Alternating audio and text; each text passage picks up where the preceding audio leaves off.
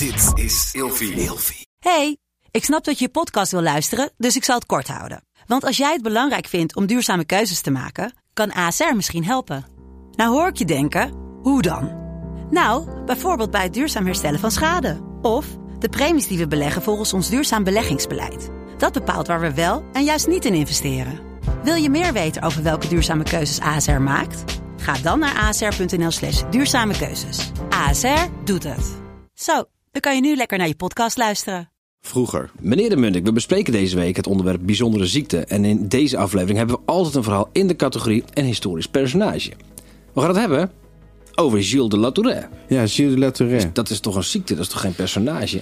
Ehm, Gilles de is degene die de ziekte Gilles de La Tourette heeft eh, beschreven en eh, uitvoerig heeft eh, bestudeerd. Je zal maar zo heten. Ja, zeker.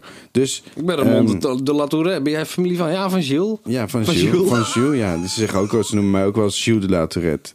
Ja, vind ik niet leuk eigenlijk als ze dat doen. Nee, Nee. je zegt nooit rare dingen. Nee, daar hou ik helemaal niet van. Ehm Gilles de wordt altijd natuurlijk eh, ja, door het volk gezien als een, als een scheldziekte. Ja, Bart de Graaf deed er vroeger heel leuk over, hè? In de 90 klopt, ja. jaren. Ja, maar ook met die weerman, toch? Ja. Met, met Tourette. Toen ja. kon dat nog op tv. Ja, en, Tegenwoordig en is dan. Tegenwoordig is het, eh, kan je maar beter een, een leuke item erover maken. Ehm, wat, eigenlijk, het is natuurlijk een hele lastige ziekte, want het, het beperkt je enorm in, in je ehm, ja, sociale beweging. eh, als je je ervoor schaamt. Maar kijk, ik hoop dat mensen tegenwoordig het gewoon accepteren. En, en dat er, ja, er is geen oplossing, dus het is gewoon zo. Maar vroeger? Ehm, vroeger ja, werden die mensen wel thuis gehouden. Of isoleerden ze zichzelf.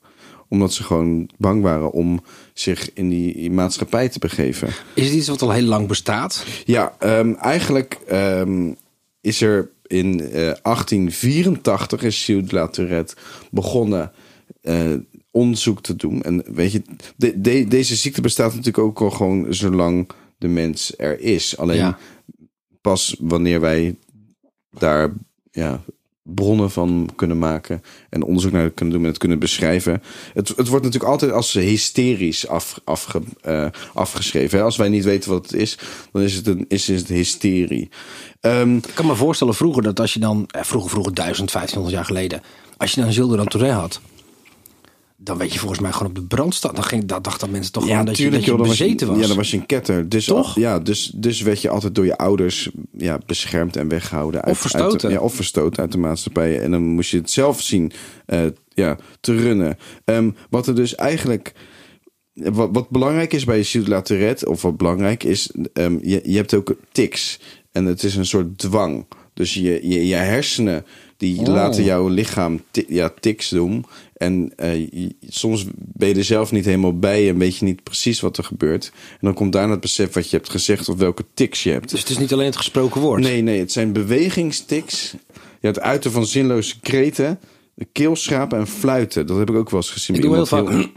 doe ik heel vaak. Ja, nou ja, bijvoorbeeld dat. Maar dat komt gewoon door het roken volgens mij. Ja, maar dan zou dit dus een, een ja, dwangmatige tik zijn. Oké, als ik, ik ken wel iemand die doet het ook heel veel en denk, waarom doe je het zoveel?